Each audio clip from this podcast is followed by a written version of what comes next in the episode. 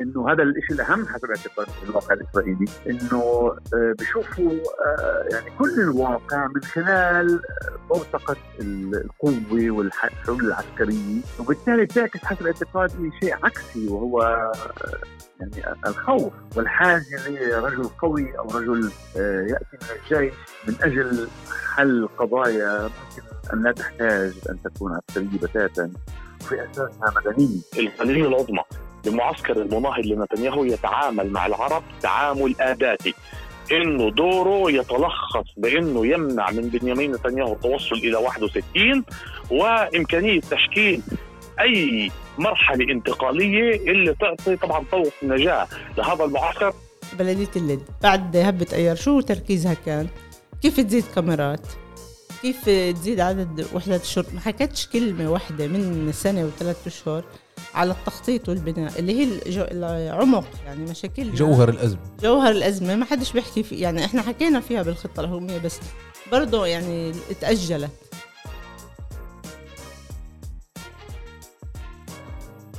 مرحبا لمستمعين بودكاست عرب 48 نرجو أن أموركم بخير. معكم طارق طه وراح يكون معي أمل عرابي بتقديم حلقة برنامج بودكاست نهاية الأسبوع في عرب 48 مرحبا يا أمل. يعطيك العافية. هذا الأسبوع كثير أحداث مفصلية ومهمة صارت لكن المهم مؤخرا إنه بنهاية الأسبوع قوات الجيش الاحتلال اقتحمت سبع مؤسسات فلسطينية سبع مؤسسات مدنية ناشطه في حقوق الإنسان آه، أو الفلسطينيين بشكل خاص. واقتحمت مقراتهم واستولت على مستنداتهم واستولت على معداتهم واغلقت أغلقت مقراتهم. صحيح هاي المؤسسات تم بالسابق الإعلان عليها من قبل وزير الأمن الإسرائيلي بني جانتس على إنها مؤسسات ممنوعة ولا إنها تدعم الإرهاب وتم اتهامها على إنها هي ذراع للجبهه آه، الشعبية. هاي الخطوة اللي جرت الكثير من الانتقادات من قبل دول أوروبية ومن قبل منظمات عالمية منها آه، منظمات حقوق الإنسان العالمية اللي قالت إنه إسرائيل لم تعرض أي حتى أدلة ما فيش. أي أدلة أدلة ولا أي تفسير لهاي الاتهامات الخطيرة لمؤسسات حقوق الإنسان. واليوم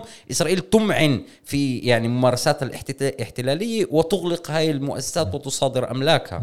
تنفذ. يعني تنفذ القرار بتصنيف كمنظمات إرهابية و... بالازدواج وهذا الشيء يعني هي خطوة خطيرة لأنها تشكل خطر على المجتمع الأهلي الفلسطيني بشكل بشكل كامل. وأيضا هي تضييق آخر على حرية الرأي. وأنا حسب رأيي إسرائيل عندها عشو تخاف. في ظل المساءلات الإجراءات القانونية في المحكمة الجنائية صحيح. اللي فيها جانتس متهم هو واحد من المتهمين في جرائم حرب ارتكاب جرائم حرب. اليوم جانتس بقرر زي أي حدا بيشتغل بمنظمة إجرامية إنه يخفي الأدلة كيف هو بيخفي الأدلة؟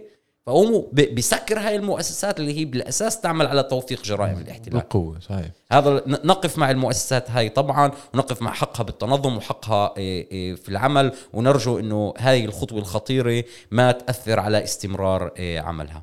عندنا لهذا الأسبوع عمل آه ثلاث محاور مركزية. هم محورين يعني بتشابكوا مع بعض بخصوص انتخابات الكنيسة ال 25 المقبلة اللي راح تكون بشهر 11 آه، راح نحكي بالبداية مع الأستاذ بروفيسور أمل جمال عن آه، تركيبة ومشهد الساحة السياسية الإسرائيلية وعن اصطفات آه، الأحزاب الإسرائيلية وعن الوجوه العسكرية اللي دائما تبرز في الانتخابات الإسرائيلية. راح يكون معنا كمان الدكتور محمد خلايلي للحديث حول نسبة التصويت عند المجتمع العربي عن أنماط التصويت ونسبة التصويت وعن تأثير نسبة التصويت وليش هي عم تلقى اهتمام إعلامي واهتمام سياسي من قبل التيارين تيار آه، نتنياهو والتيار المناوئ لنتنياهو وراح تكون معنا كمان فداء شحادة اللي هي عضو المجلس البلدي في بلدية اللد لنحكي معها بعد سنة وثلاث أشهر على هبة أيار هبة الكرامة في اللد عن مآلاتها واستنتاجاتها واستخلاص العبر منها وما ورد مؤخرا من تقرير مراقب الدولة للتفاصيل اللي فيها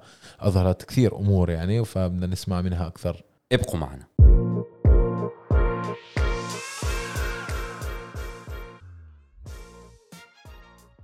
طيب بدنا نبلش معك بروفيسور بشو رأيك إنه ثلثين رؤساء هيئة أركان جيش الاحتلال انضموا للمؤسسة السياسية بعد ما أنهوا خدمتهم بالجيش؟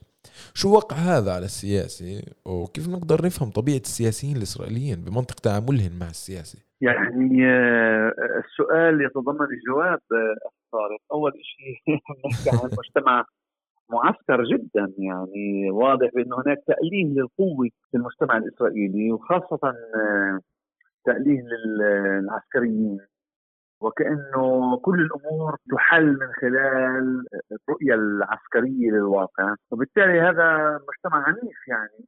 لا يؤله العسكريين فقط وإنما يؤله القوة نفسها لأنه هذول الشخصيات آه، مش بس يعني قادوا آه، وحدات عسكرية وبالتالي عندهم قدرة قيادية أو قدرة آه، إدارية وإنما أنه هذا الشيء الأهم حسب اعتقاد الواقع الإسرائيلي أنه بشوفوا يعني كل الواقع من خلال مرتقة القوة والحلول العسكرية وبالتالي بتعكس حسب اعتقادي شيء عكسي وهو يعني الخوف والحاجة لرجل قوي أو رجل آه، يأتي من الجيش من أجل حل قضايا ممكن أن لا تحتاج أن تكون عسكرية بتاتا في أساسها مدنية، لكن في في مقولة أيضا أخرى في الموضوع إنه لا توجد ثقة في مؤسسات أخرى في المجتمع الإسرائيلي. يعني هاي الثقة بالعسكريين أو بالعسكر أو بالجيش بشكل خاص فيها جانب أداتي فيها جانب آه، آه، وظائفي فإنه الجيش يعني عنده آه، صورة وكأنه ناجح في تطبيق كل شيء مع إنه مش دقيق دائما ولكن يعني هذا هذا هي الصورة للجيش في الواقع الإسرائيلي. لكن هذا بيعني إنه المؤسسات الأخرى في الواقع الإسرائيلي لا يمكن التعويل عليها بالنسبة للمجتمع.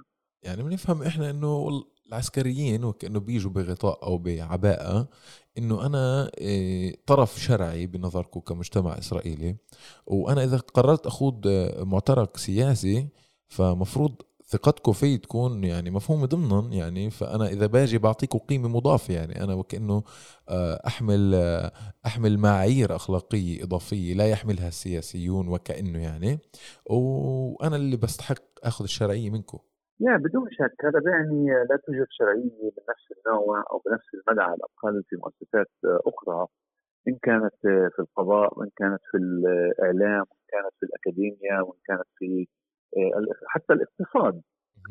يعني هنا وهناك نرى اقتصاديين ناجحين يعني يأتوا إلى الحلبة السياسية بس ما بياخذوا نفس الثقة اللي بأخذها العسكريين. يعني هذا المزيج ما بين الأداء العسكري اللي يصور بإسرائيل بشكل ناجح لأنه يعني لا تنسى إنه الجيش آه، ألية إعلام وصقل الوعي من درجة أولى في إسرائيل.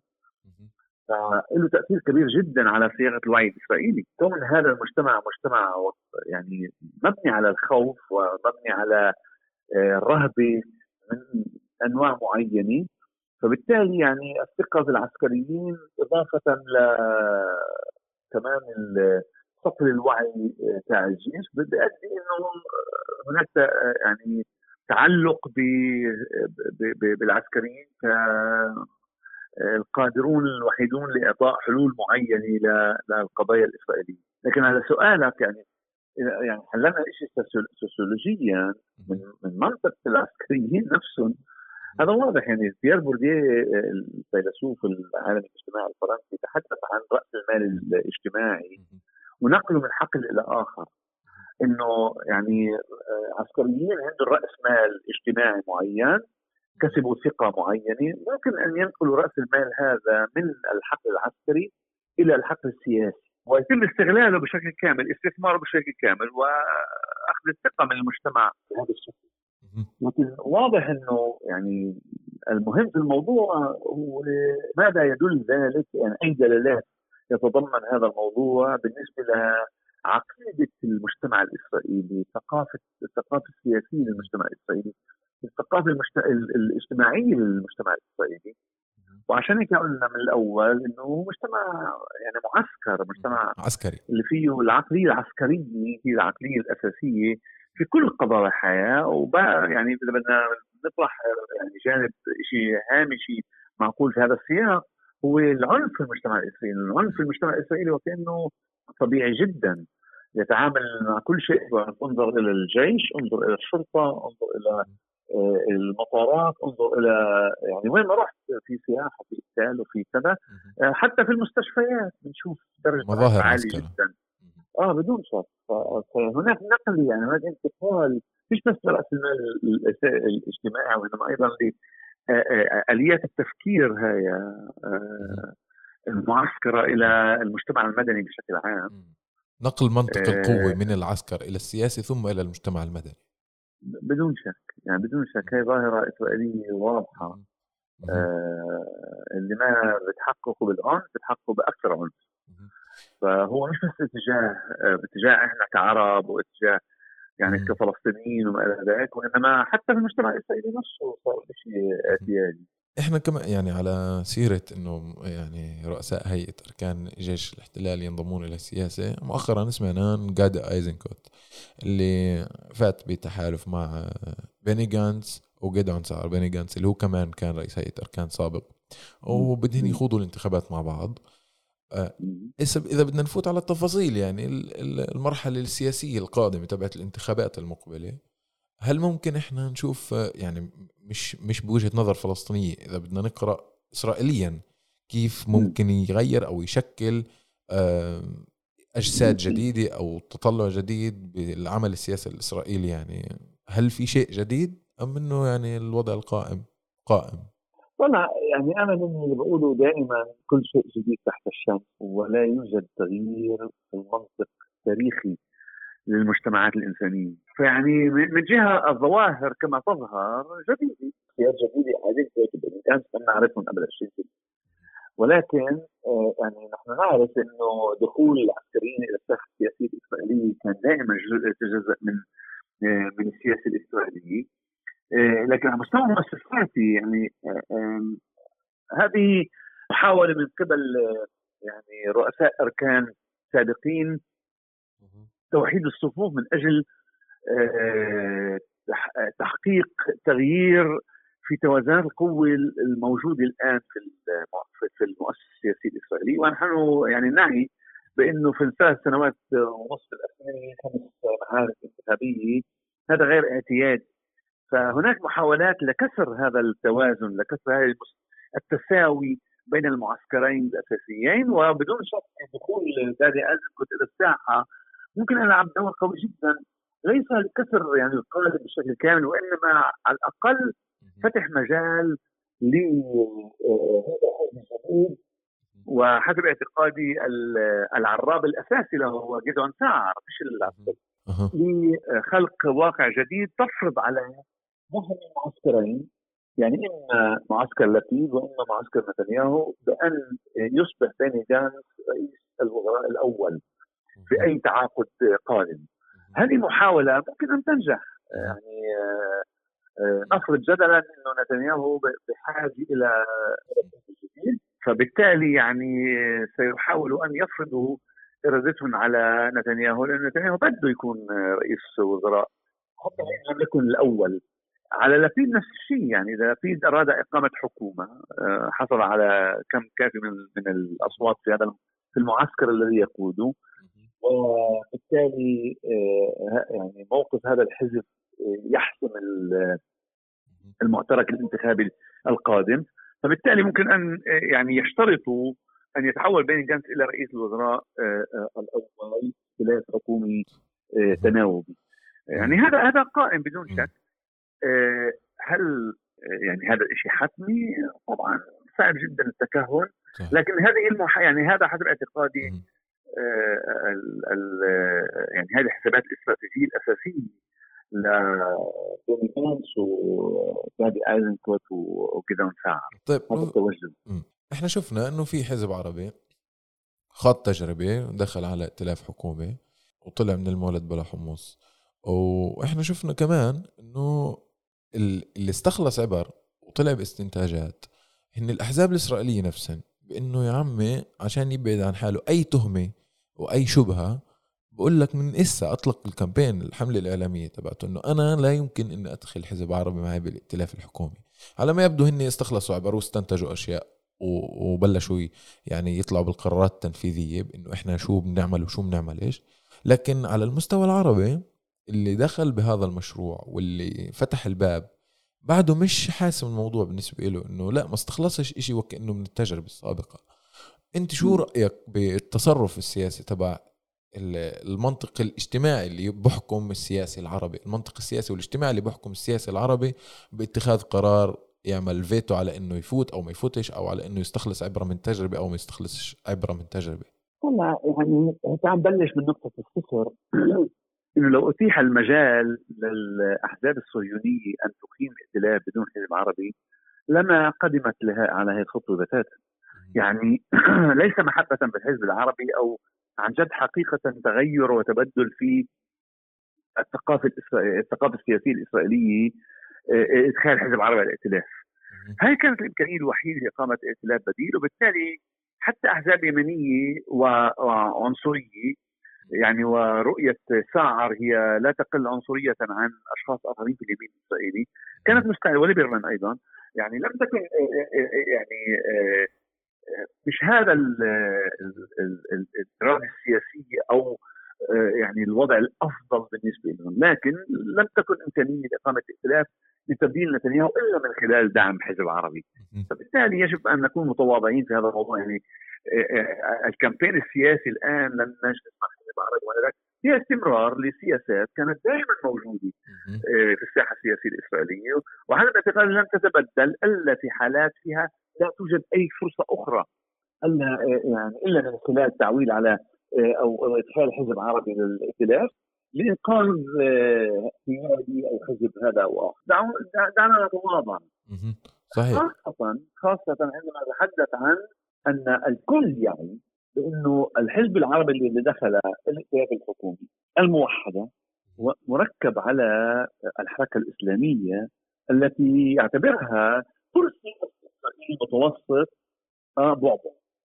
يعني فبالتالي آه، دخول الموحدة حتى وإن تقني. كانت تقني وليس بمحل صنع قرار أو بمحل اتخاذ قرار. طبعا طبعا. هو ليس تحالف حقيقي بين أحزاب صهيونيه وحزب عربي. آه، هو سد ثغرة مؤقتة إلى أن يتاح المجال تشكيل حكومه واسعه آه, آه بدون شك يعني لم شمل الأحزاب الصهيونيه بشكل تحقق أغلبية في البرلمان بدون أحزاب عربية. هذا ما ما تريد الاحزاب أغلبها. وبالتالي الكابتن السياسي لأغلب الأحزاب هو يعني لا تأخذ بعين الاعتبار الجلوس مع آه، حزب عربي. وانتبه كيف يعني نتنياهو نتنياهو اسمه منيح السياسي الاسرائيلي والعسكري الاسرائيلي يعني هو الذي فتح الباب للتداول مع الموحدة بقياده منصور عباس بشروط معينة طبعا.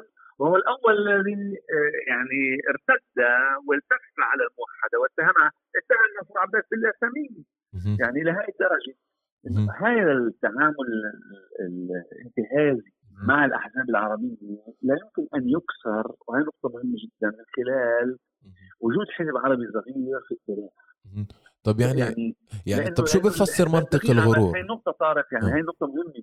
إنه الحزب العربي اللي دخل الائتلاف يعني كمان هو كان متعلق ومستقبله السياسي كمان كان متعلق بوجوده بالائتلاف فلا لا يعني لم يشكل أي مرة تهديد حقيقي على ثبات الائتلاف اولا ثانيا سقوط الائتلاف في نهاية الأمر كان نبع من شروط وضعتها الأحزاب الصهيونية تتعلق بالاحتلال وتحاول أن تفرض على الأحزاب العربية هذا الحزب العربي وتملي عليه شروط يعني رأينا أن لا يمكن أن يتماشى معها.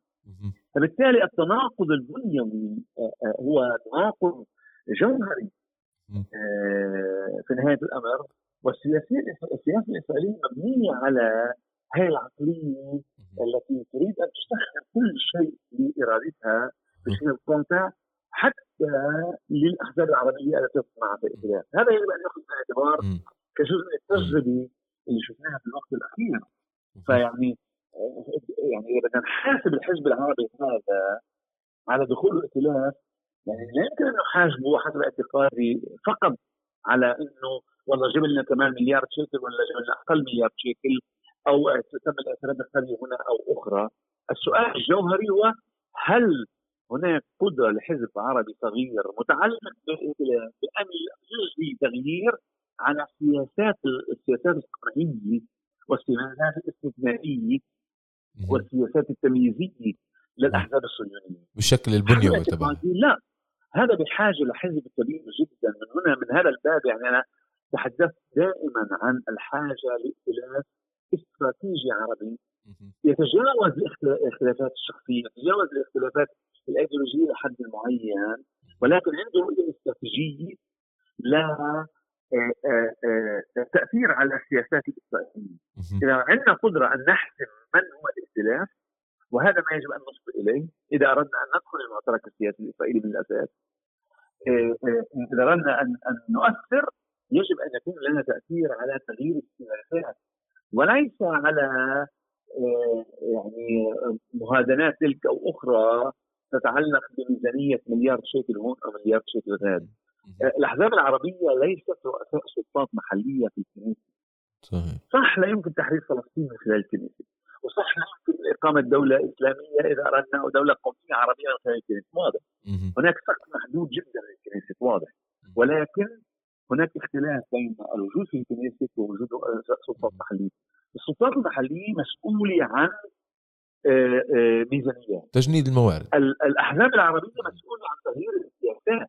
صحيح. وتغيير السياسات لها انعكاسات موارديه طبعا.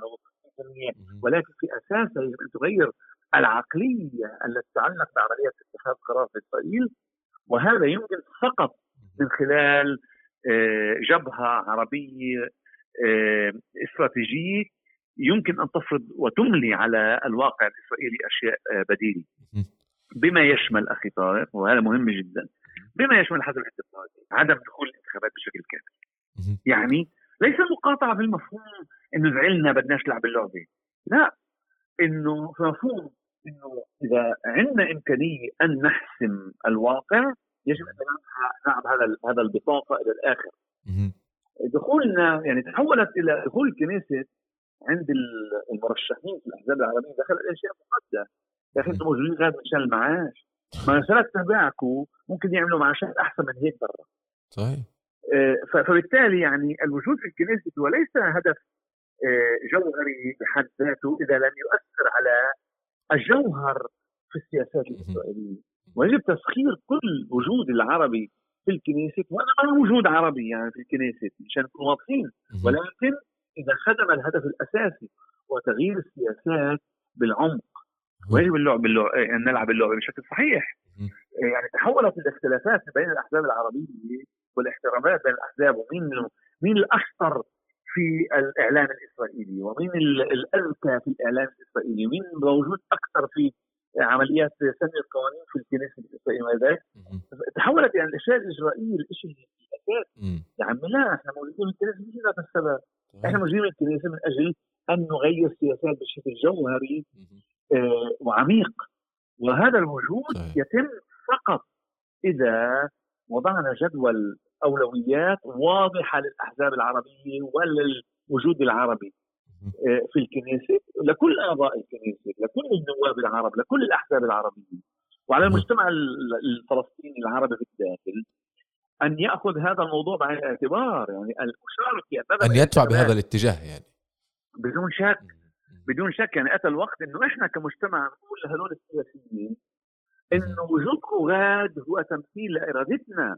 مش مشان انت تاخذ معاش ومشان انت تكون على التلفزيون ومشان انت مش عن جان نجيب لي 10 مليون ل لمجلس كابول و10 مليون ل لا طبعا لا مش مش هذا الهدف الأساسي، الهدف الأساسي هو تغيير السياسات بشكل أس... عميق ومع اخذ بعين الاعتبار واقعية سياسية معينة كمان يعني. في الكنيسة واضح. أن نلعب اللعبه بشكل صحيح. ولكن أن نلعب اللعبه بشكل صحيح هذا لا يعني تسخير كل وجودنا لهون 10 مليون وهون 5 مليون وهون آه، آه، يعني آه، آه، آه، ميزانيتي أو أخرى. آه، هذا هذا الاعتقاد مهم جدا وهذا ما يعني نأمل من المجتمع العربي أن يدفع في اتجاهه. صحيح. يعني المجتمع العربي ذكي وواقعي وعنده رؤية وعنده توقعات فبالتالي جزء منه كبير جدا بيروح للانتخابات. لماذا؟ مش لأنه مقاطع مبدئيا لأنه سئم الاستهتار بعقليته، سئم الاستهتار بقدراته على فهم الواقع. المجتمع العربي يريد أن يعيش حياة كريمة بدون شك. بده مستويات عالية من الحياة بده تعليم لأولاده بده مستقبل آمن لبناته بده ما ذلك. ولكن في نفس الوقت عنده كرامة مرتبطة جماعية. عنده كرامه مرتبطة بكونه مجتمع أصلاني بكونه مجتمع يعني سحقت آه، حقوقه الأساسية بما يتعلق بالانتماء إلى هذا الوطن. صحيح. وتتبدل آه، صورة وجوده على هذا الواقع من خلال نفس الكنيسة اللي إحنا موجودين فيها. من خلال نفس القوانين اللي إحنا موجودين فيها. فيعني يعني بالتالي إذا هذا إذا هذا ما تقوم به الكنيست هذه اللعبه يجب ان نلعب- نلعبها. هذه صحيح. اللعبه التي يجب أن نلعبها كأصحاب وطن اصليين كما كان الأمر أصلا يحاول- بروفيسور أمل صحيح؟ يعني كان يعني كان غالبا ال mainstream تبع العمل السياسي داخل البرلمان.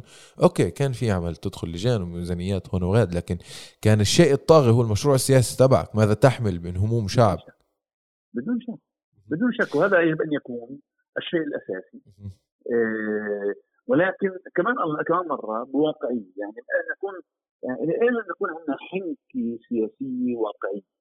من جهة لا نتأمل لا نتحمل الكنيسة أكثر من اللازم من. جهة أخرى لا نستهتر بالقدرة على التأثير من خلالها كمنصة واحدة من منصات مختلفة way. يعني أنا.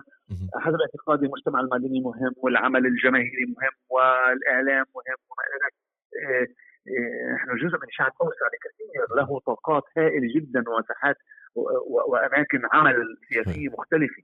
لكن في هذه الساحة يجب أن نعمل بشكل واقعي وبحنكه كبيره جدا من أجل أن نخلق يعني ان أن نخلق آه، آه، تغيير استراتيجي آه، جوهري في العمل السياسي ال- الإسرائيلي. وهذا أها. حسب اعتقادي يمكن أن يكون من خلال جبهة واسعة وليس من خلال يعني الاستهتار بالعقل آه، آه، آه، العربي إنه. جبنا لك كمان مليون جبنا لك كمان خمسة مليون وهذا الممكن وإحنا بنلعب لعبة الممكن وما إلى ذلك لا الممكن آه، يعني إحنا بنحدد سقف الممكن حسب اعتقادي وسقف الممكن يجب أعلى بكثير مما هو موجود على الساحة اليوم بروفيسور. و by the way جمال بس جمله آه. اخيره بهذا السياق يعني مشان ما.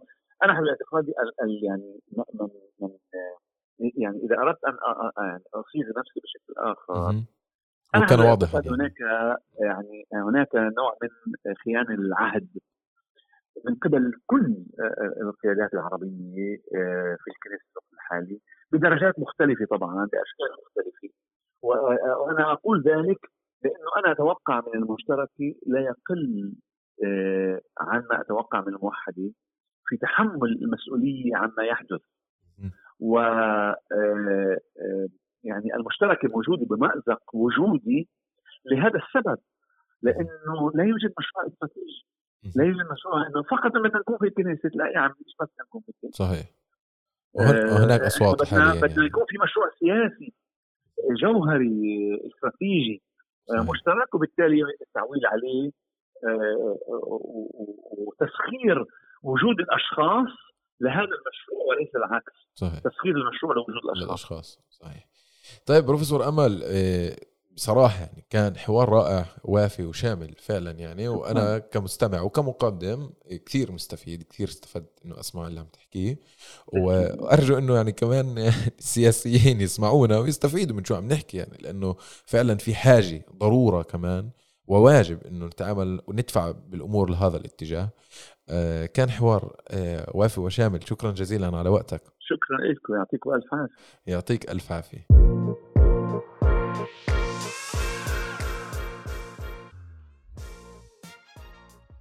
نستمر بالمحور ال- الانتخابات والانتخابات آه، الكنيست ونستضيف معنا اليوم الدكتور محمد خلايلي آه، دكتوراه في العلوم السياسية وناشط آه، سياسي على الساحة آه، القطرية. أهلا وسهلا فيك محمد. يا هلا. يا هلا. الصراحة بدي آه، أبدأ معك آه، من سؤال آه، كثير مهم وهو عم بيعني يعني كثير ما يتناقل بالإعلام بالأيام الأخيرة. هناك اهتمام زايد شاهدناه من السنوات الماضية بنسبة التصويت عند العرب. إذا قبل كم سنة ما كانش حدا مهتم العرب صوتت ولا ما صوتتش. اليوم أصبحت نسبة التصويت عند العرب هي قضية استراتيجية كمان من اليمين وكمان من اليسار بيهتموا فيها. إيش أسباب هذا الاهتمام المتزايد بنسبة التصويت عند المجتمع العربي؟ يعني في تفسير هذا الموضوع والاهتمام له علاقة بأمرين. الأمر الأول بيرتبط في الأزمة السياسية في إسرائيل واستعصاء عملية تشكيل ائتلاف حكومي آه، أو نسميها توصل إلى صيغة ائتلافية آه، اللي فيها استقرار آه، ضمن الخارطة السياسية وضمن المعسكرات. وإحنا عم نشوف إنه يعني الانقسام اللي موجود في الساحة السياسية في إسرائيل كمان مش بس على أساس فكري سياسي إيديولوجي إنما ارتبط في قضايا تتعلق يعني بأمور شخصية وبشخص بنيامين نتنياهو. يعني الانقسام اللي كان في سنوات سابقة في إسرائيل يعني اللي كان للعالم يتسوى على إنه أساس انقسام فكري إيديولوجي بين يمين اللي بيحمل مشروع أرض إسرائيل الكبرى يعني وفي عنده مواقف أكثر تشدد بالنسبة للتوصل إلى صيغه مع الفلسطينيين من جهة. ويعني طبعا في قضايا تتعلق بدور المحكمة العليا في إسرائيل والمنظومة الاقتصادية والاجتماعية ودور الدولة في هذا المجال. إلى يعني خارطة سياسية تختلف واساس الإطار الناظم لليمين من شقه والمعسكر المنافي المناهض لليمين برئاسه بنيامين نتنياهو بيحمل قضايا يعني مختلفة. لحد يعني قبل كم سنة جزء أساسي من مركبات المعسكر المناهض كانت مع بنيامين نتنياهو وحتى لليوم من حيث الطروحات السياسية هي موجودة معاه بنفس الخط. يعني ليبرمان ما تغير سياسيا. أكيد بس هاي الصورة اللي أنت عم هاي الصورة اللي أنت عم بتصورها نعم. عم عم كيف هي عم بتأثر على أهمية نسبة التصويت عند العرب؟ يعني إحنا نعرف إنه كان في هناك محاولات بالسابق لإخفاض نسبة التصويت عند العرب. ولكن اليوم نسبة التصويت عند العرب صارت ينحكى عنها على إنها kingmaker يعني بمعنى انها هي اللي راح تقرر مين راح يكون فيه حكومه من المعسكرين اللي وصفتهم. آه. 100% بل بالمقابل لكل محاولات المعسكر المناهض لبنيامين نتنياهو لرفع نسبة التصويت طبعا من أجل منع إمكانية تشكيل حكومة 61 من قبل بنيامين نتنياهو لأنه كل المعطيات اليوم واستطلاعات الرأي بتشير إنه معسكر بنيامين نتنياهو بالأساس الليكود والحريديم والصهيونية الدينية مع بعض راح يجيبوا آه، بين 5 آه، بين 59 ل 61 مقعد.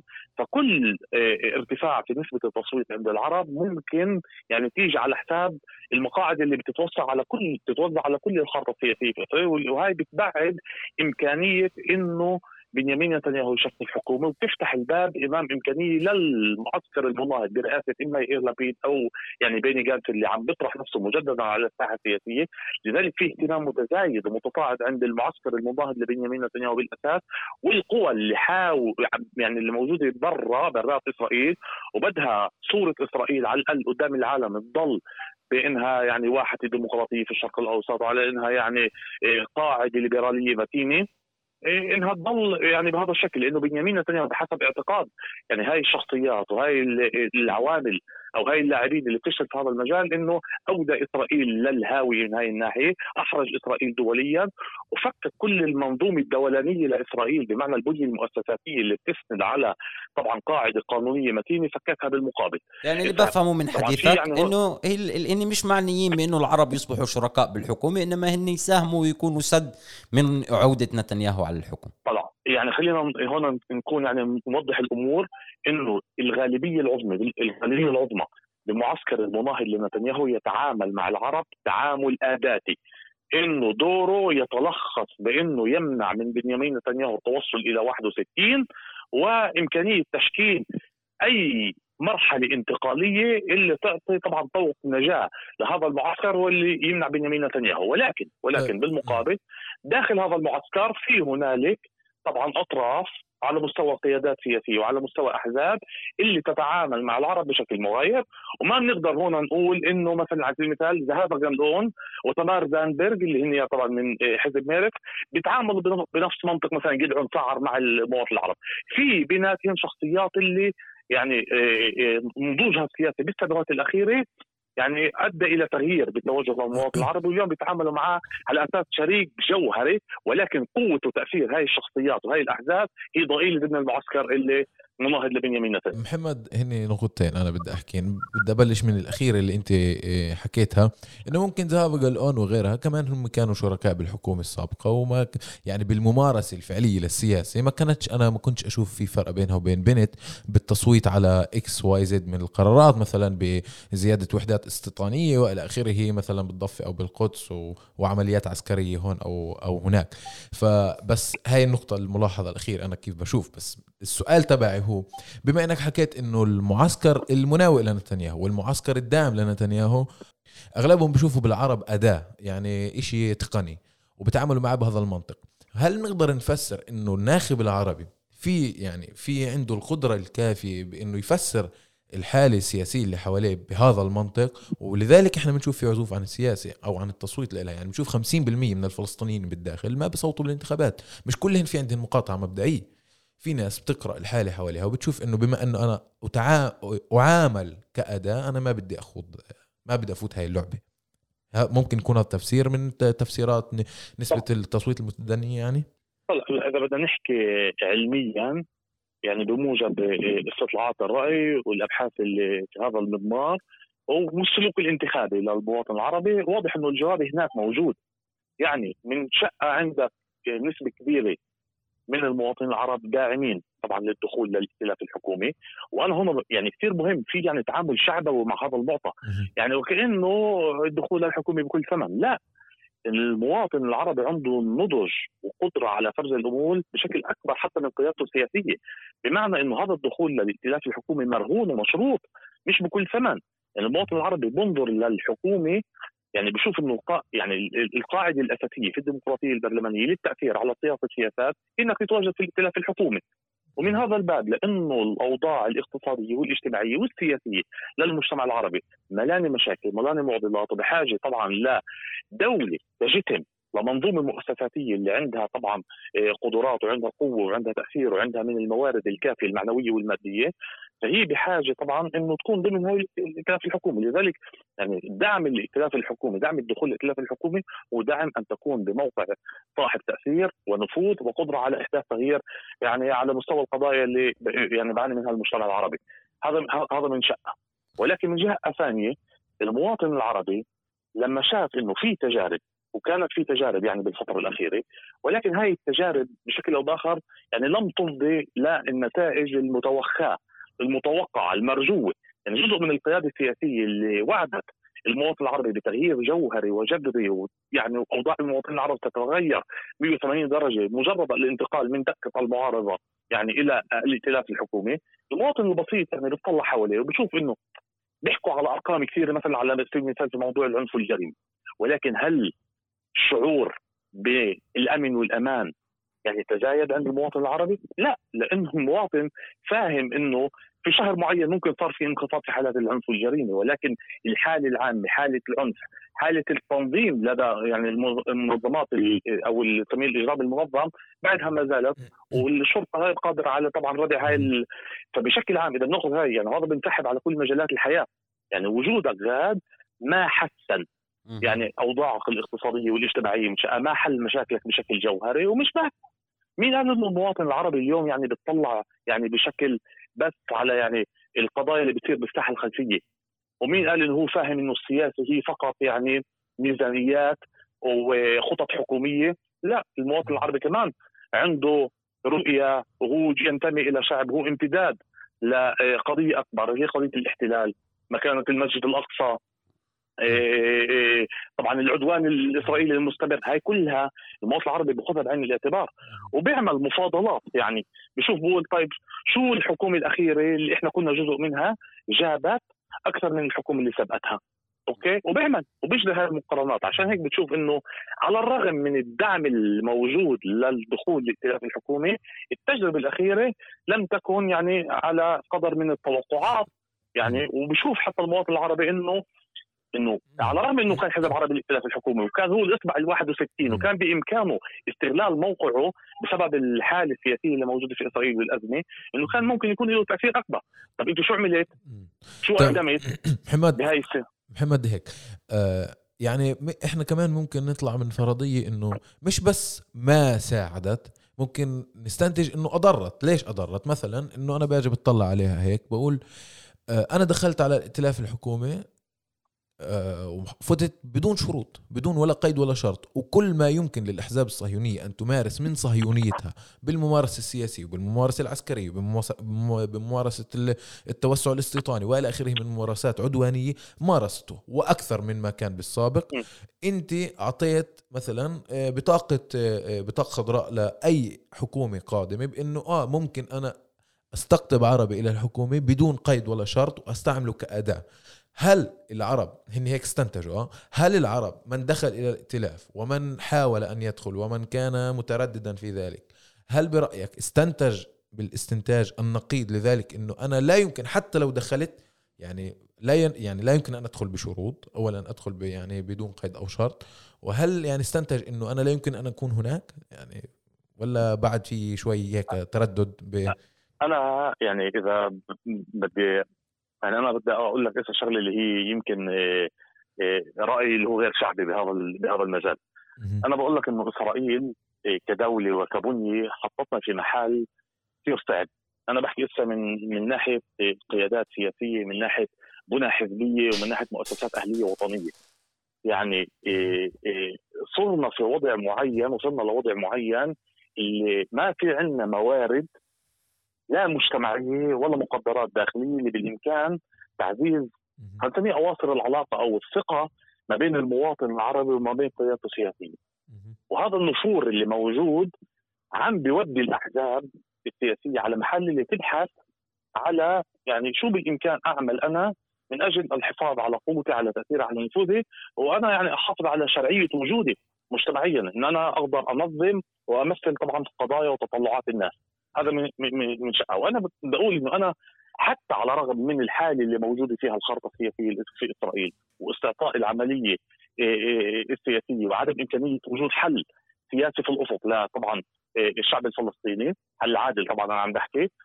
يعني في إحنا كمان ما بنقدر نيجي نغفل حالنا عن المعضلات اللي موجودة داخل مجتمعنا وننعزل بسبب إنه إحنا بدناش نتلوث يعني باعتبارات آه، سياسية لهذا الطرف أو لذاك تعامل كافة المركبات السياسية في إسرائيل أو غالبيتها العظمى وتعامل آداتي معنا، ولكن هل هذا بقول إنه أنا لازم أقعد على جنب وأنا ما أحاول أفحص عن إمكانيات كيف بالإمكان اثر؟ هلا أنا ما بقول إنه إمكانيات التأثير فقط من خلال الائتلاف الحكومي أو من خلال التوصية أو من خلال أي صيغة تجربت في الآخر، ولكن ما بعلن مسبقا إنه أنا يعني هاي التجربة كانت فاشلة.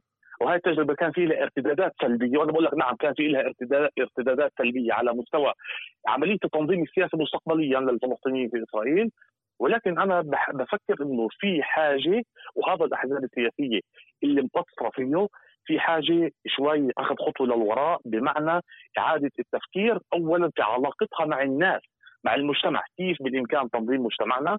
هاي مرار ما إحنا حالة طوارئ كانت في أيار الأخيرة. شو الدرس اللي تعلمناه من الحالة؟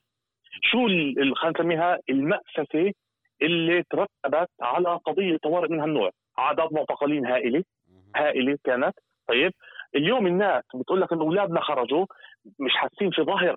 مش حاسين في إيه، إيه، مرجعية سياسية لنا اللي تيجي تعالج طبعا يعني طبعا بعرف هاي دور دولي في وضع طبيعي دور دولي. ولكن إحنا أقلية أقلية اصلانيه جهاز كامل مجير ومجند ضدنا شو بالإمكان إحنا بالامكاننا نعمل؟ وأنا بقول لك في بالإمكان نعمل الكثير بهذا المحل. لذلك التعويل كل الوقت فقط على الورقة البرلمانية هو اللي عم بحطنا بهذا المحل.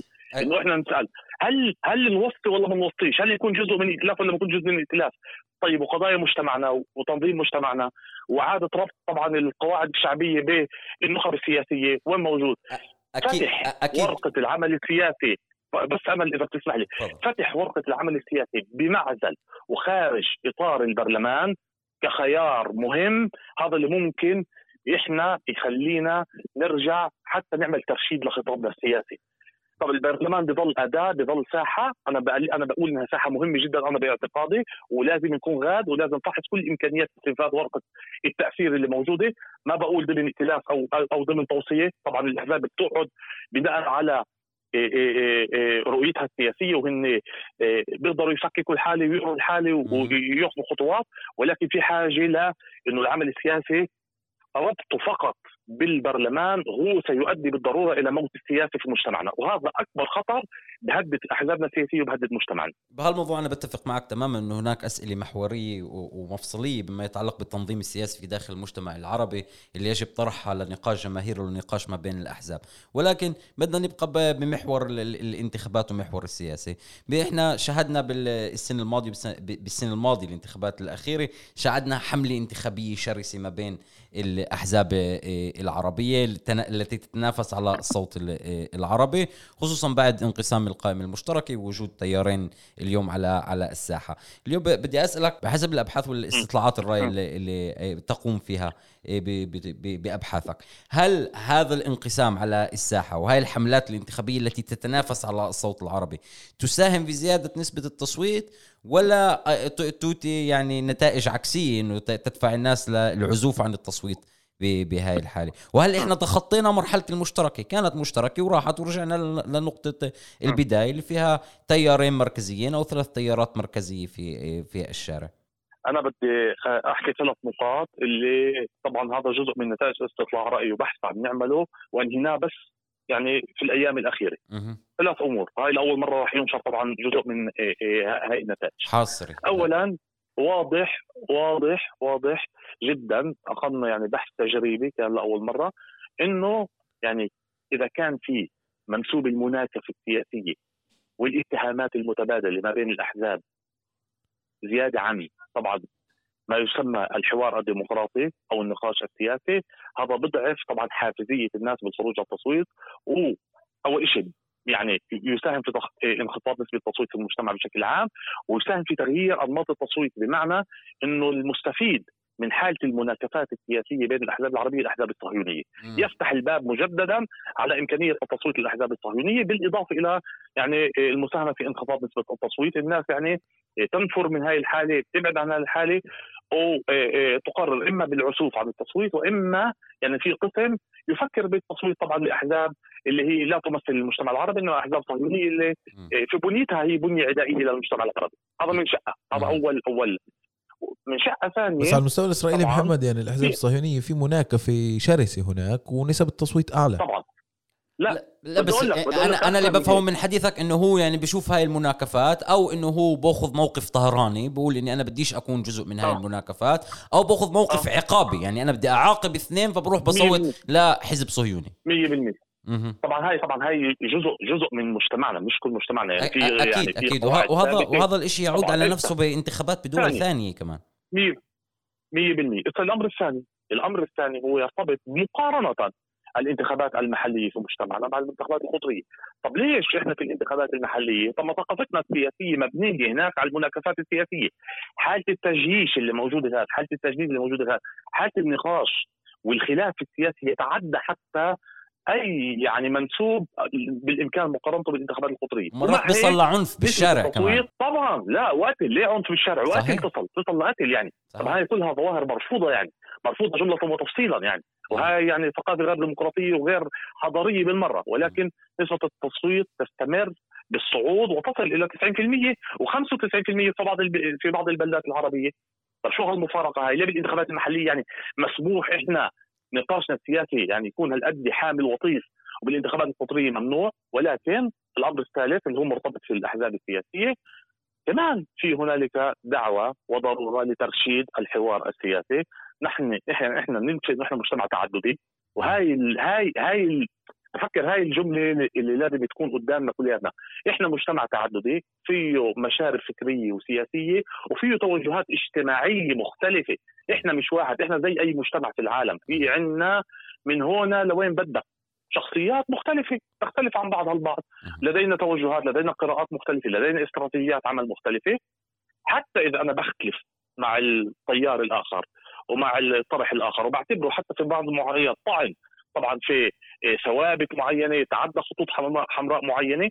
ولكن هذا كمان لازم يبدأ ضمن يعني إمكانية يعني إدارة هذا الاختلاف وإدارة يعني الحيز العام بشكل اللي فيه مساحة لكل الأصوات الحيز العام الديمقراطي. الإلغاء الحيز العام بكل يعني بكل ما يحمل الكلمة من معنى. ب ب يعني كل محاولة لإلغاء الطرف الآخر طبعا وتوجيه اتهامات له من حيث مرات التكفير أو من حيث طبعا خيانة يعني ما يسمى الثوابت الوطنية أو من حيث بس لإنه عنده توجهات اجتماعية تختلف عنا سيعود بآثار عكسية على نسبة التصويت. آه مش بس. أنا بقول لك أنا بقول لك شغلة هذا بيجيب عربده في الحيز العام وهذا بيجيب طبعا صاحب ال... يعني النفوذ والحضور الأقوى في الحيز العام إنه يسيطر على الحيز العام يلغي الدور اللي قباله. وهذا شو بقول لك في نهاية المطاف؟ بيؤدي إلى ابتعاد الناس عن الحيز العام وبيسمح لمنظمات أو لقوى اللي تحتل الحيز العام وهذا اللي عم بيصير في مجتمعنا في. السنوات الأخيرة. هنالك قوى تسللت في أعقاب انتحار قوى كانت لها مسؤولية ودور تغييري في المجتمع واللي هي اليوم مسيطره على الشارع. وإحنا بنعرف كيف يعني إيه إيه إيه إيه الحيز العام في بلداتنا يدار مين اللي عم بيديروا في السنوات أكيد. بهاي القضايا المهمة ننهي مداخلتك معنا. شكرا لك الدكتور محمد خلالي على هاي المداخلة القيمة. يعطيك العافية. ونتأمل نشوف نتائج الأبحاث اللي تقوم فيها قريبا. شكرا لك. يعطيك العافية. يعطيك العافية.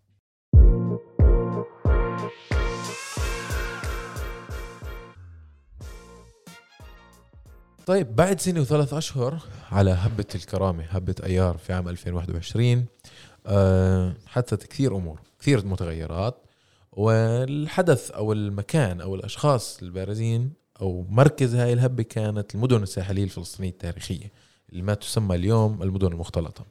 كانت معنا أكثر من مرة عضو المجلس البلدي في آه، مدينة اللد آه، الناشطة آه، في داعش وحكينا عن كثير أمور وكثير قضايا. اليوم في جديد معين في شيء جديد راح نحكي عنه. لكن قبل ما نفوت بأي تفصيل حديث بدنا نحكي مع فداء عن آه، كيف بتشوف اللد بعد سنة وثلاث أشهر من أحداث هالقد كانت مركزية وكل العالم حكى عنها وشافها في مدينة اللد. يعطيك العافية فداء. يعافيكم. كيف حال؟ هلا عندي أبدأ بالأول إنه إحنا إيقاعنا سريع بال بالمدن مش عارفة باللد على الأساس بشكل خاص. يعني كل الوقت في أحداث. يعني أنا قلتها قبل إنه أحداث أيار ما كانتش إشي غريب بس كان آه، حجمها هو اللي الكبير. أو اللحظة هاي اللي الكل انتفض لأنه هيك زي كان في صراع بهاي اللحظة مع المؤسسة ومع يعني النواة التوراتية. بتلاقي حالك قدام جسم منظم والمؤسسة بتدعمه فكان في هبة كتير قوية. بس بقدرش أقول إنه من بعدها كأنه نامت البلد. يعني الإيقاع تبع الأحداث كل الوقت موجودة. شغالة. آه، في معتقلين لسه لهي اللحظة. موجودين، في, صحيح. آه، في عندنا هلأ كمان معتقل إمام المسجد الشيخ آه، يوسف يوسف الباز. الباز. هدم بيوت نقدرش نقول إنه وقف. كان أكثر من مرة بالسنة الأخيرة. ف فأنا بحسش إنه اللد الصراحة كثير يعني تغيرت بمفهوم إنه يمكن بالهوية قويت. أو على مستوى الانتماء لجماعة للبلد بالذات هو هذا أكثر إشي يعني يعني كان قوى الانتماء الجماعي للناس لنفسها لأنه إحنا مبنيين ع- بالآخر على مدينة مهجرين يعني أغلبنا جينا على اللد كمهجرين والناس بشي مرحلة كانت هاد جزء من كيف تبني نفسها إنه تحافظ على هويتها الأساسية. وبفكر إنه بهبة ايار أكثر لحظة كان انفتاح في الهوية لبعض كفلسطينية. إيه، وإنه في هوية جماعية أقوى إيه، اللي هي اللد وفلسطين والمجتمع العربي. إيه، هذا بفكر أعمق إشي بالتغيير. والإشي الثاني هو علاقتنا بالمؤسسة. يعني إحنا دائما عندنا النموذج هو رئيس البلدية. مهم. يعني أوكي هي كل المؤسسة بس هو كشخص بمثلها يعني الناس لحد اللحظة بتقدرش تقول له مرحبا. مع كل محاولاته يعني. طب اذا سألتك سؤال هيك سريع ويمكن فضفاض. إذا سألتك إشي واحد تغيريه باللد ممكن يكون concept إشي عام يعني وممكن يكون شخص ممكن يكون مؤسسة ممكن آه. يكون طابع شو بتغيري؟ إشي واحد أغيره بالليل؟ آه. أنا يعني بنظري إنه في إحنا عندنا أزمة كبيرة اسمها العنف والجريمة. ه- يعني إشي اللي كنت بحب أطلعه من الليل بفكر إنه بينقذنا بشكل عام لأنه هو هو يعني مأساتنا. هو مفتاح لحل قضايا. صحيح لأنه يعني ينخر في داخل هذا المبنى المجتمعي اللي عم عم داخل إيه، يتكون. يعني ولكن أنا ب- لو يعني بتخيل إنه كان في توقع إنه اجاوب رئيس البلدية. أنا بفكرش إنه رؤساء البلديات اليهود بيختلفوا عن بعض. هو لا بس مش هو مش أدوات. ممكن تغيري إنه والله أهل اللاد هن يسيطروا على المجلس البلدي. و... آه يا ريت. إحنا بس الدولة. بس بعرف إنه بالأرقام لا، حاليا صحيح. صعب. بس بفكر إنه لو نطلع العنف والجريمة كمجتمع بنصير أقوى. أكيد بتزيد حصانة المجتمع وبتزيد قوة المجتمع. بدنا نستمر بقضية آه، أحداث أيار شهر خمسة ومرور سنه وثلاث أشهر عليها. صراحة خلال الفترة السابقة أنا كيف يعني بلاحظ كان في هناك خطوات اللي هي غير متناسقة بما يتعلق بمآلات شهر خمسة من قبل الحكومة.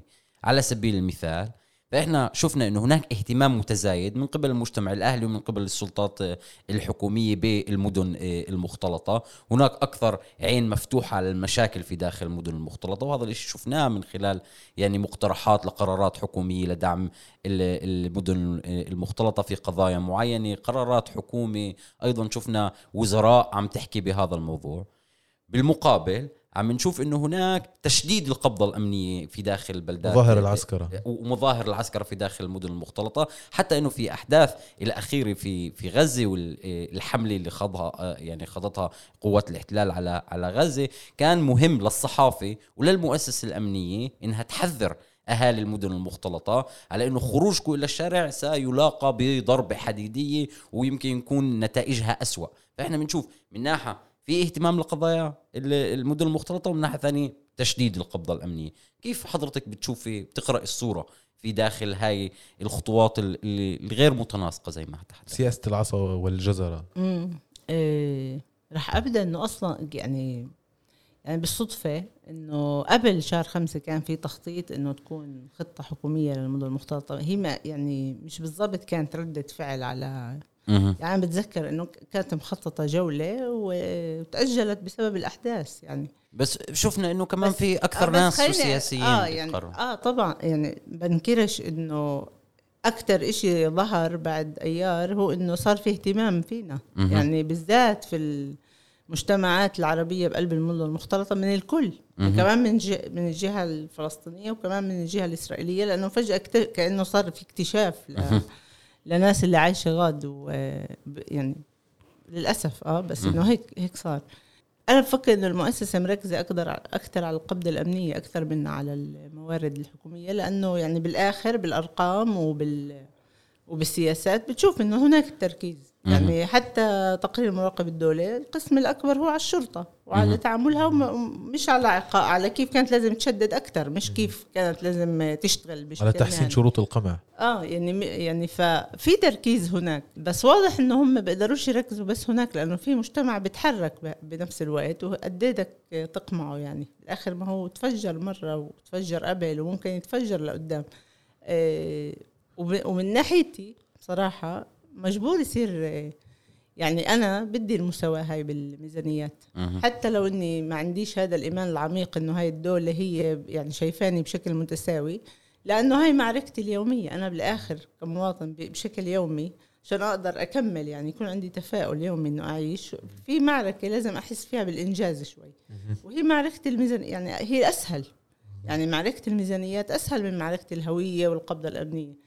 فلهون بتلاقي كل المجتمع المدني هناك مركز وعم بيشتغل لأنه بدنا بالآخر إشي نحس فيك عشان كمان نقدر نحكي مع بعض. فبفكر إنه إحنا اللي بنحرك كمجتمع مدني ومجتمع عربي و... والناس اللي.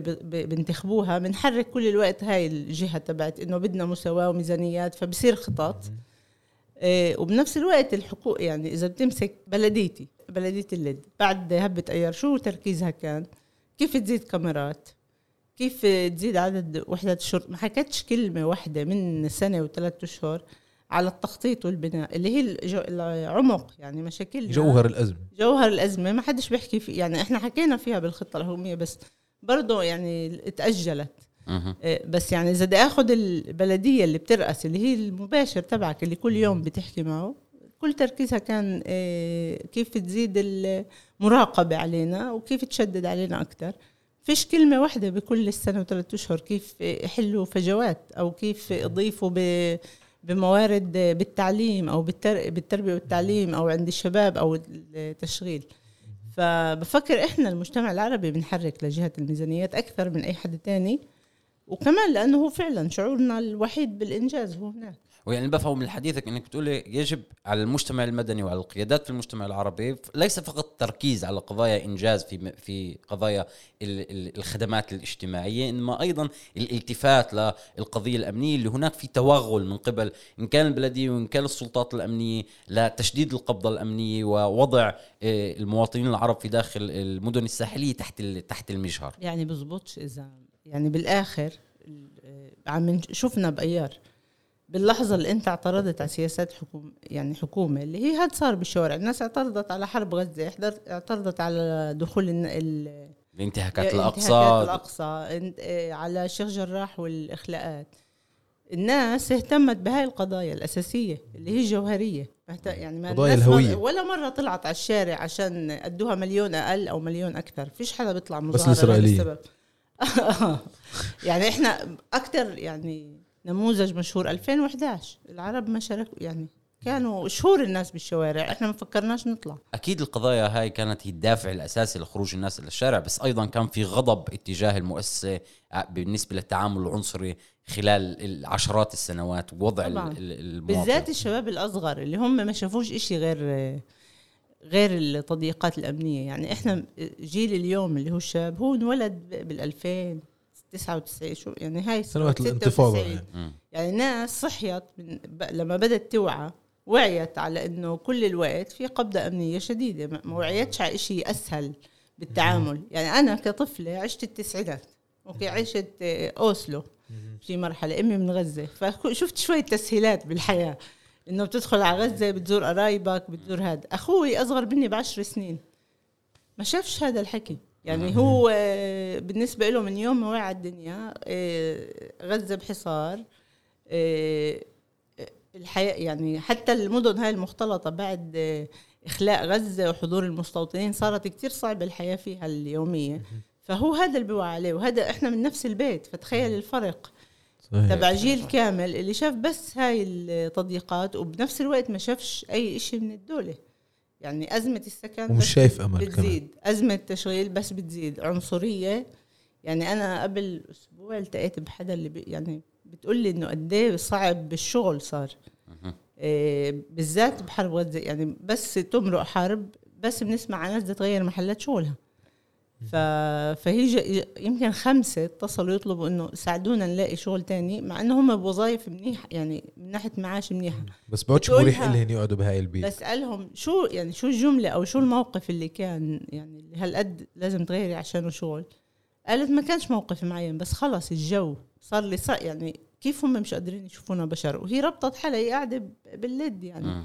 ربطت حالها إنه مش شايفين اللي بغزة بشر فهي صارت مش يعني عارفة الناس بالآخر هويتها بتحكمها قد ما قد ما تجرب. عدا عن البلدية وعدا عن ال- ال- القبضة الأمنية من قبل يعني المؤسسه الامنيه الاسرائيليه هناك عامل ثالث أو لاعب ثالث في داخل الساحة في المدن المختلطة وهي ما يسمى بالنواة التوراتية أو المجتمع ال- الأهلي المتدين في داخل البلدات الاستيطاني. ال- الاستيطاني في داخل هاي البلدات. هل لاحظتي هناك يعني تغيير؟ ربما في استراتيجية هاي الأجسام وهذول اللاعبين بعد أحداث شهر خمسة هل هناك ازدياد في سياساتها إيه، الاستيطانية ولا إيه، إخراج العرب من البلدات أو إيه، دفعهن نحو الهامش؟ ولا عم تشوفي إنه أيضا هناك صار في هناك تغييرات في سياساتها اليوم مثلا تعمل تحت الرادار؟ إيه ما إيه أو غيرت سياساتها في قضايا معينة؟ أنا شفت آه، على فكرة إنه في نواة توراتية عم تقدم على مناقصات لخدمة المجتمع آه. العربي. يعني أنا لما شفت المناقصة ضحكت يعني. كمان يمكن هن عم بيصير عندهم تغيير بفكر إنه آه يعني بف... أكثر موقفين شفتهم بالسنة الأخيرة هيك واحد لما رئيس الحكومة أعلن على الش... اسمهم شمريم. أيوه اللي هي, اللي هي- مي- ميليشيا لحماية المواطنين اليهود في داخل والشيء البلدات الثاني بن غفير لما كان بال أظن بالقدس وماشي وقالوا מוות לערבים وقال מוות למחבלים فهو آه، حاول. يعمل تمييز إنه إحنا مش كل العرب إحنا العرب اللي مناح. بدنا إياهم. هلأ شو شو تعريف بمنطقه يعني- العربي الجيد عربي ميت. آه ف...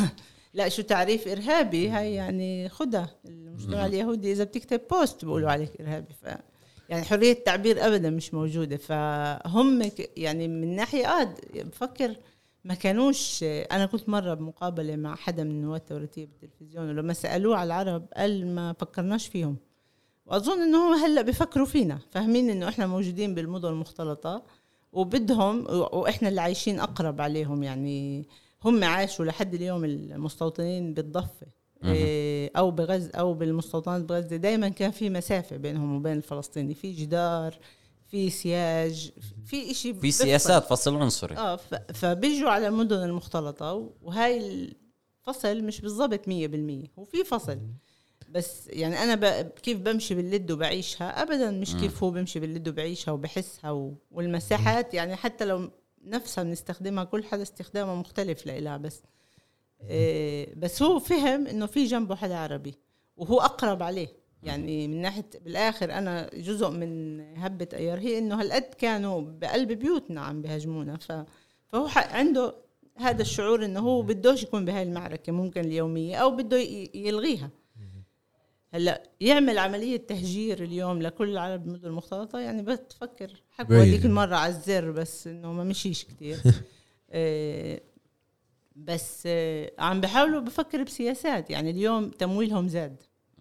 تمويل النواة التوراتية بس حتى إذا كانوا يشتغلوا تحت الرادار صاروا يشتغلوا فوق الرادار فوق. يعني أول شيء علاقتهم بالحكومة كتير واضحة. لما بيطلع رئيس دولة وبيعلن على الميليشيات كأنها جسم رسمي يعني هاي هاي أزمة كتير كبيرة.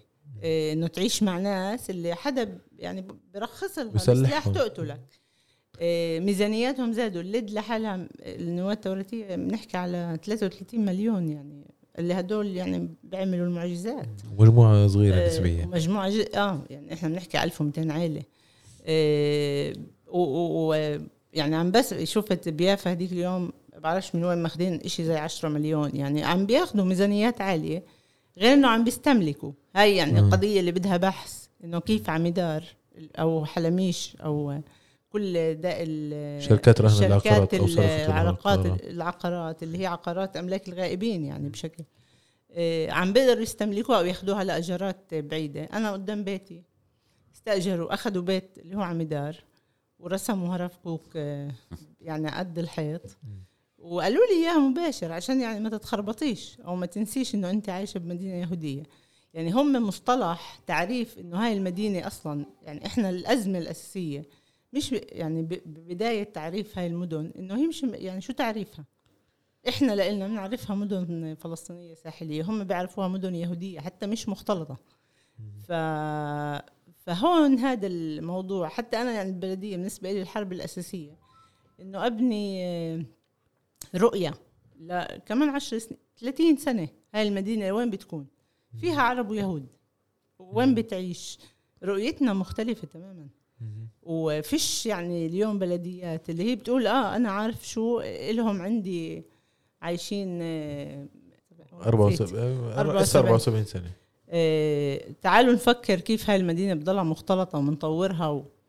بالآخر إذا بتطلع على العالم. يعني بالآخر المجتمعات بتعيش مع بعض. آه، فيش هيك رؤية. فيش حدا بفكر إنه كمان 30 سنة هاي المدن وانتوا وانتوا. كلدادوة وانتوا كلدادوة ما عندكم نصكم بغزة وبالمهجر فكروش تعملوا فكروش تعملوا لهم مخططات لاستقبال اللاجئين إيه، يعني إحنا اقترحنا أكثر. مش لاجئين بس اقترحنا كثير إنه إذا في شباب وعرب أو صبايا أو أزواج شابة اللي هي بتشتغل بمدن المركز تيجي وتستأجر وتعيش باللد وتسكن لأنه يعني فعليا إحنا مش مدينة غالية. إيه وممكن هذا يصير. فكرنا فيها أصعب شوي بس إحنا اليوم نفكر كيف نثبت حالنا صحيح بصراحة. على الأقل يعني. إنه كيف نكون موجودين. يعني أنا اللي بفهمه من حديثك إنه صار في تغير في سياسات هاي ال- الأجسام ولكن السياسات صارت نحو التصعيد.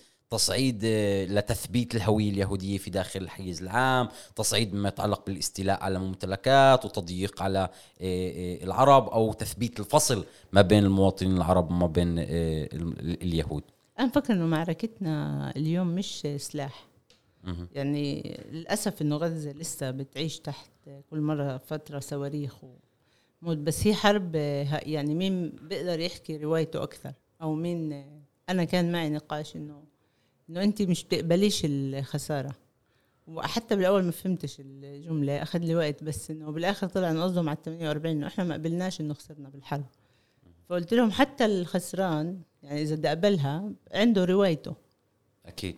إيه، وهاي هاي اليوم حربنا هي كمان روايتنا ب 48 بس كمان روايتنا بكل الأحداث اللي بتيجي بعد. يعني أنا شهر خمسة روايتي مختلفة تماما عن آه، الرواية الصهيونية. فانا لإلي مهم إنه تضلها موجودة وأضلني أنشر فيها وأحكي فيها. يعني إحنا عملنا فيلم شهادات من أيام مهم. تهاجم كأنه يعني عامل انق... يعني و... وهو بالنهاية وبده- بده بيحاول يتوقف مهمة توثيق ويعني وبالآخر هو كان مهم للتوثيق يعني الفيلم. وبالآخر يعني جلسات بالكنيست كيف يمنعوا الفيلم؟ طب ما أنت مش مموله أصلا كيف بدك تمنعه؟ ف يعني هي هاي جزء من إنه لازم نحط طاقاتنا بتوثيق روايتنا قد ما بنقدر بإنها تكون موجودة بالإعلام قد ما بنقدر. أنا بفكر إنه معركه الإعلام كثير مهمة. بفكر ه- هناك يعني أنا ب... الميزانيات بحسها كثير مرات هي تحصيل حاصل. بالضبط. يعني هي يعني- اللي بتجيبنا للنقطة الأخيرة إنه آه، يعني الجديد أو الأخير بعد يعني هو بدون علاقة لتقرير مراقب الدولة إنما هو الميزانية الأخيرة اللي تم المصادقة بس رح عليها أحكي شيء على تقرير آه. آه. مراقب الدولة أنا أنا بصراحة كنت يعني من الناس الإيجابيين لما طلع. التقرير واحد كنت يعني جزء من يعني عملنا جولة بالليد وقتها لطاقم آه، بس عشان. نوضح خلال الأسابيع الأخيرة تم آه، إصدار آه، تقرير لمراقب دولي التقرير يحوي قسمين القسم الأول يتحدث عن آه، تعامل الجهات الأمنية في أحداث أيار آه، شهر خمسة وهناك في استنتاجات اللي إحنا نختلف معها تماما. وهناك قسم آخر يحكي عن الخدمات التي تعطى للمواطن وهذا التقرير الأول الذي يكشف الفروقات العميقة والفجوات الهائلة ما بين المواطنين العرب والمواطنين اليهود في داخل المدن الساحلية. يعني إذا بدكم شوية معطيات على سبيل المثال آه، خلال السنوات الأخيرة تم تخصيص 500 مبنى لخدمة الجمهور اليهودي بينما تم تخصيص خمس مباني. عند عند العرب. الفرق باللد ما بين آه، الميزانيات التي تعطى للطالب العربي وللطالب اليهودي هي الفرق بيناتها يقدر ب 40% يعني إذا الطالب اليهودي باخذ 100 شيكل الطالب العربي باخذ 40 شيكل وعد على ذلك. هذا التقرير الذي نتحدث عنه. تحدثت إنك أنت كنت إيجابية بشكل أو بآخر آه بالنسبة لإستنتاجات يعني التقرير. واحد بفكر إنه هو أكد إنه مصطلح المدن المختلطة هو بس على الورق. أو هاي المدن ال- المشتركة اللي بيعيشوا فيها. هو مصطلح آه، بنكتب بس بالتطبيق صفر. اثنين أنا بفكر إنه حتى لو المراقب مش ما عملش الربط مليون بالمية بس في ربط كتير واضح بين قديش أنت بتقلص بالميزانيات وبتعيش المجتمع بنقص كامل بالمساواة وبين آه، بالآخر كيف هو بيتعامل معك. إيه، حتى لو قد ما تشد عليه بالقبضة الأمنية. يعني غير إنه ورجى أخطاء للشرطة. يمكن مش يعني في في بتقرير الشرطة إيه، ألف معتقل غير مسجلين عنده يعني بسجلاتهم مخت- مختلفين عليهم. طب هدول وين راحوا؟ هذا بدل إنه كانوا يعتقلوا الناس بدون تفكير. إيه وبالآخر حتى تسجيل كيف ملازم ما كانش يصير لأنه كانوا ينزلوا إيه، إيش بسموها؟ اعتقالات بالعشرات عشوائية. عشوائية. فهذا ب- يعني ببين بالتقرير. إيه، وغير إنه بثبت يعني إحنا سنين نحكي على الفجوات على عدم التخطيط على عدم وجود أرصفة شوارع يعني كل هاي الاشياء ميزانيات تربية يعني يمكن من 2011 بعرف إنه إحنا بناخذ ثلث تمويل الطالب اليهودي يعني بالآخر لما تنكتب بتقرير مراقب الدولة مختلفة. يعني وهذا كان جزء ومستند رسمي. يعني. آه يعني بالآخر قدر التقرير يطلع بس على القبضة الأمنية وينتهي الموضوع. بصراحة بالتدخلات من بالأساس من المجتمع المدني. لما بعت ونعرف وصار مطالب إنه تعالوا نعمل لكم جولات تعالوا نحكي معكم صار في القسم الثاني بالتقرير اللي بنظري هو مهم إنه يطلع وينحكى فيه. بمعنى إنه هناك تقرير لأول مرة هناك تقرير حكومي الذي يكتب هاي الفروقات يعني أبيض على أسود ويتحدث يتحدث عنها. ولكن إيه، هون بدي أرجع للسؤال طارق بما يتخلق ل- للميزانيات إيه، هل هاي الميزانيات هي كافية لسد هاي هاي الفجوات وهل الميزانية هي الشيء الأساسي يعني اللي ممكن يساهم فيما بعد في سد جزء من هاي ال- ال- الفجوات؟ لا الميزانيات اللي إجت حاليا بتسدش ابدا كل الفجوات. إحنا بنحكي على 46 مليون إذا بتقسمهم على كل مدينة مختلطة بيطلع بين سبعة يعني سبعة تسعة مليون يعني. هذول إذا بنقارنهم بال 300 مليون اللي عند ال- النواة التوراتية ولا شيء آه 30 غد. آه. آه. 30 بالسنة. تسعة تسعة مليون يعني ببنوا مبنى أو مبنيين انكثرت يعني إيه مش يعني بيعملوا انقلاب. بس أنا بفكر بالخطوات كخطوة اللي هي إيه يعني مش عارف بدي أسميها بس كخطوة أولى إنه تبدأ يعني كمان كمجتمع. بالآخر إحنا أنا درست تخطيط مدن. درست تنظيم مجتمعي. بالتنظيم المجتمعي النظرية بتقول إنه أنت بالآخر لازم تبني يعني بالآخر مش تاخذ ال... كل الأصوات اللي هي أقلية وتحولها لقوة مع بعض. وعشان تعمل هذا الإشي لازم هذا المجتمع ب... يعني يحس إنه ب... بنجز كل فترة حتى لو أشياء صغيرة عشان على المدى البعيد يقدر ينجز فإذا ب- أنا باخده لهناك بصراحة إنه كحدا قاعد بالبلدية ثلاث سنين واشتغل مع المجتمع آه هذا الإنج... يعني بالنسبة إلنا إنجاز بالطريق. مرحلة لا- يعني، لا- مر... خطوة الخطوة الأولى حتى يعني ما كنتش ب... بقول عليها مرحلة كاملة. بس آه إنه إذا يعني إحنا بالذات عشان عارفين كمان على إيش بدنا المصاري تروح فعارفين إنه راح يعني يسد احتياج معين اللي لنا مهم ينسد اللي هو موضوع الشباب بالبلد آه فآه. يعني بفكر إنه هي ما كانتش شيء يعني مش مش سيء إنه تجيك ميزانيات اللي تبدأ تغلق شوي صحيح. بالفجوات بس إن آه إحنا بنحكي إنه كان الخطة الأولى 300 مليون للمدن المختلطة 50 بالسنة. بسبب الانتخابات المستشارة القضائية ما مرقتش غير القسم تبع الرفاه الاجتماعي والشباب ومرقوا بس ال 46 مليون. يعني لو لو ما جيناش على لحظة الانتخابات كان المفروض إنه هاي ميزانية بتمرق ب معقولة. 300 مليون واللد بتاخد لحالها 50 ل 60 مليون. اللي كانوا ممكن يسدوا أكثر أشياء وال وال والعمق اللي هناك كان بالخطة من ناحية المسكن الخطة الكبيرة كان أكثر من اللي هلأ موجود لأنه يعني المسكن تقريبا طلع اللي هو أزمتنا الأساسية. اللد فيها أوامر هدم لهي اللحظة فيها حق يعني حي كامل غير معترف فيه. اللي هو كان المفروض يمرق بال بالبتمال. إيه، لجنة تخط... آه، تخطيط. والبناء؟ لا، لجنة التخطيط السريع يعني لجنة التخطيط السريع. السريع. إيه، اللي هي كان في آه، خطة هيك. كاملة اللي لازم يمرق فيها حارة اللي هلأ يعني بدنا نبدأ نضال جديد على الموضوع اللي قرروا يفصلوا الحي عن الخطة لأنه معلقين ما لأنه الحي أغلب بيوته عمدار وكان لازم بالخطه تصير عملية تنظيم.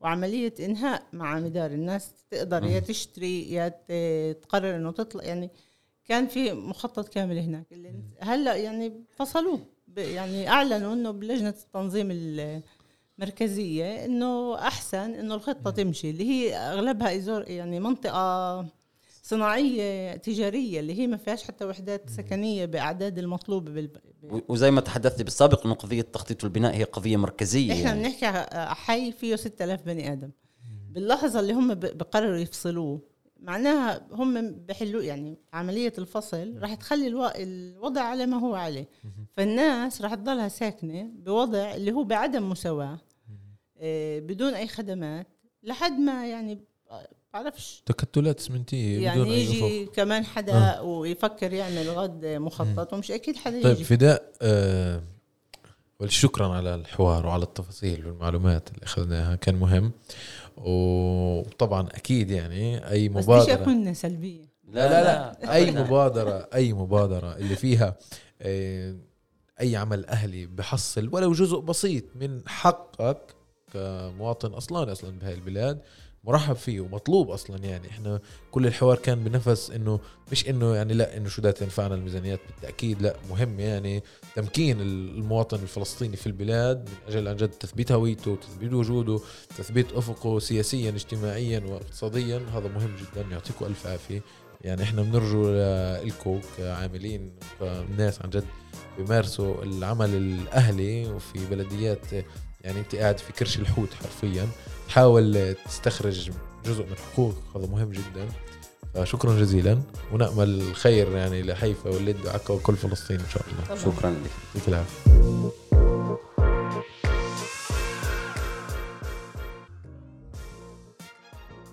أعزائي المستمعين شكرا كثير على استماعكم وعلى متابعتكم. إحنا هيك وصلنا لنهاية الحلقة. ولا تنسوا متابعتنا على جميع منصات البودكاست وعلى عرب 48 حتى تصلكم الإشعارات وتكونوا أول من يعلم. أنا معكم أمل عرابي وطارق طه في بودكاست نهاية الأسبوع من عرب 48 من حيفا وحتى الحلقة القادمة. لا لعل خير